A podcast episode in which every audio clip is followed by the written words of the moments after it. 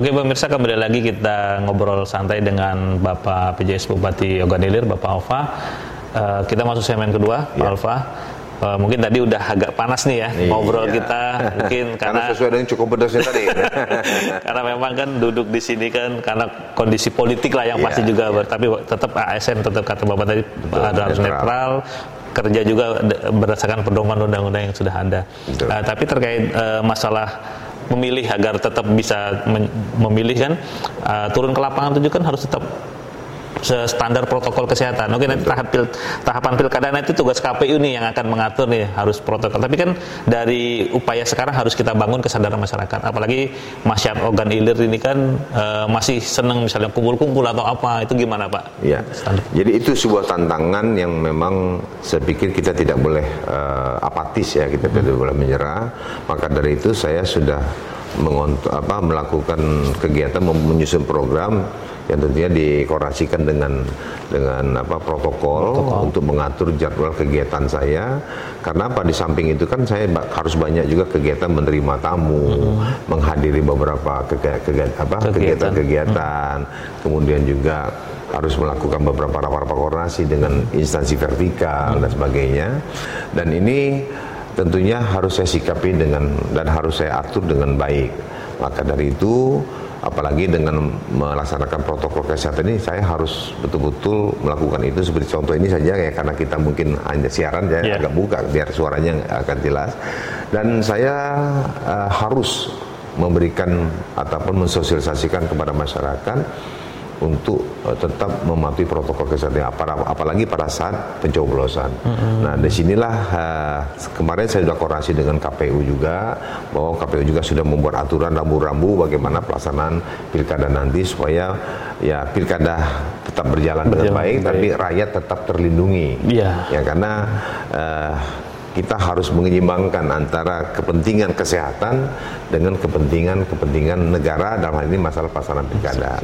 Nah, insya Allah mudah-mudahan dengan kunjungan saya nanti saya bisa memberikan pemahaman kepada masyarakat melalui kepala desa atau melalui camat untuk terus mensosialisasikan terus melakukan himbauan agar masyarakat tetap melaksanakan protokol kesehatan dan yang paling penting tadi mereka harus dan wajib datang ke TPS untuk menghentikan sejenak hanya beberapa detik kegiatan yeah. untuk melakukan menyumbangkan suara mereka yeah. untuk menentukan pimpin yang akan datang. Okay. Itu yang harus dilakukan. Jadi ini harus saya jalankan. Yeah. Saya harus turun ke desa gitu. Mm -hmm. Karena bukan batian di samping saya harus silaturahim dengan masyarakat mm -hmm. sebagai uh, katakanlah kepala daerah yang diberikan amanah, mm -hmm. saya juga berhak mengetahui bagaimana kondisi, kondisi masyarakat, masyarakat di lapangan hmm. dan selagi mungkin bagaimana misalnya pembangunan yang sudah dilakukan hmm. Uh, bagaimana juga kehidupan perekonomian masyarakat. masyarakat di sana, ya. Jadi saya harus tahu kenapa paling tidak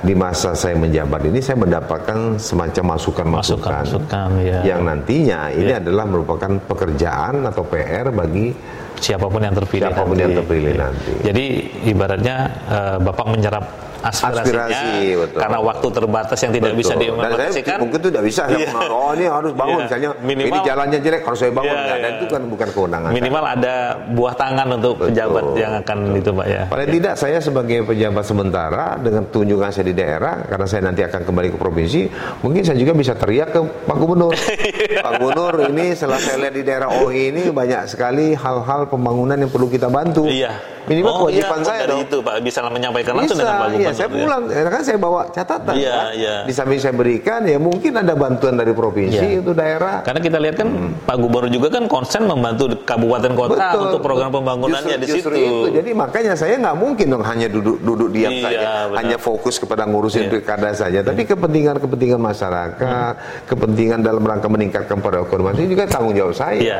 Tapi ada nggak Pak? Mo mohon maaf ini hmm. uh, konotasi negatif nih, Bapak turun turun-turun ke desa-desa gitu?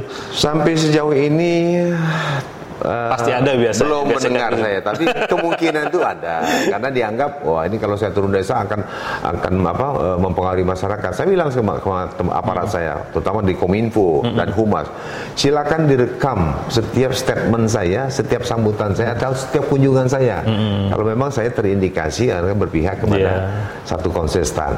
Nah, sekarang saya akan berusaha untuk ya istilahnya saya akan bertindak sebagai yeah. sebagai kepala daerah, kepala daerah menentramkan masyarakat, mendamaikan masyarakat karena pilkada di ini harus pilkada damai. Benar. Itu. Oke, jadi uh, dengan kayak kondisi kayak gini mungkin nanti pemirsa yang mendengar khususnya yeah. masyarakat organ ilir yeah. bisa kita share nanti Pak ini. Yeah. Terus satu lagi saya ingatkan hmm. juga titip kepada masyarakat organ ilir khususnya jangan terlalu mudah memberikan statement atau memposting berita-berita ataupun kalimat-kalimat yang justru akan menimbulkan keresahan masyarakat. Iya, iya. Itu saja. Jadi jangan sampai karena statement itulah, apalagi kita khususnya pada pejabat-pejabat petinggi-petinggi ya mm -hmm. negara di Kabupaten Ogan Ilir ini, saya harapkan tidak terlalu mudah mm -hmm. untuk memberikan statement atau memberikan memposting berita-berita yang justru akan membuat masyarakat resah. resah masyarakat jangan dibuat resah. Iya. Mari masyarakat kita ajak konsentrasi untuk sama-sama membangun daerah ini. Iya jadi kita sama-sama jaga kondisi yang kondusif betul, di organ hilir gitu. Betul, betul sekali. Itu aja harapan saya, himbauan ya. saya kepada seluruh termasuk teman media juga.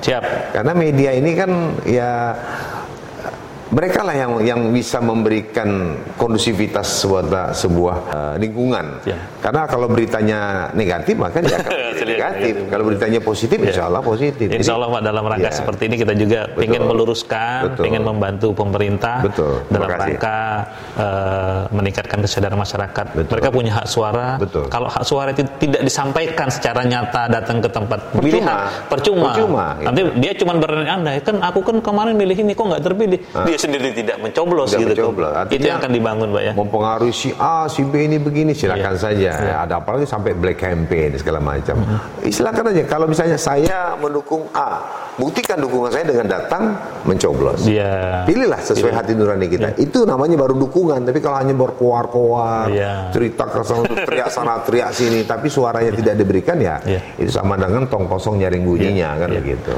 Gitu.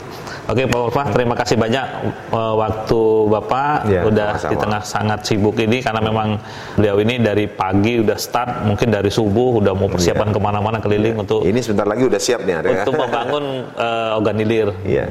Mudah-mudahan selama Bapak menjabat sampai nanti akhir masa jabatan tidak ada kendala-kendala amin, amin. dan OI organ leader khususnya bisa ikut terbangun dengan hadirnya Bapak di sini. Mudah-mudahan. Ya, saya punya PR juga nih karena saya orang dari Kidas Kepala apa Kebudayaan dan Pariwisata. Di OI ini ada satu potensi wisatanya banyak sekali. Yeah. Nah, itu juga tanggung jawab saya juga gitu yeah. kan untuk okay. membangun Nanti bisa disinergikan dengan penjabat baru yang akan terpilih iya, dengan Dinas Pariwisata tentunya Pak. Iya.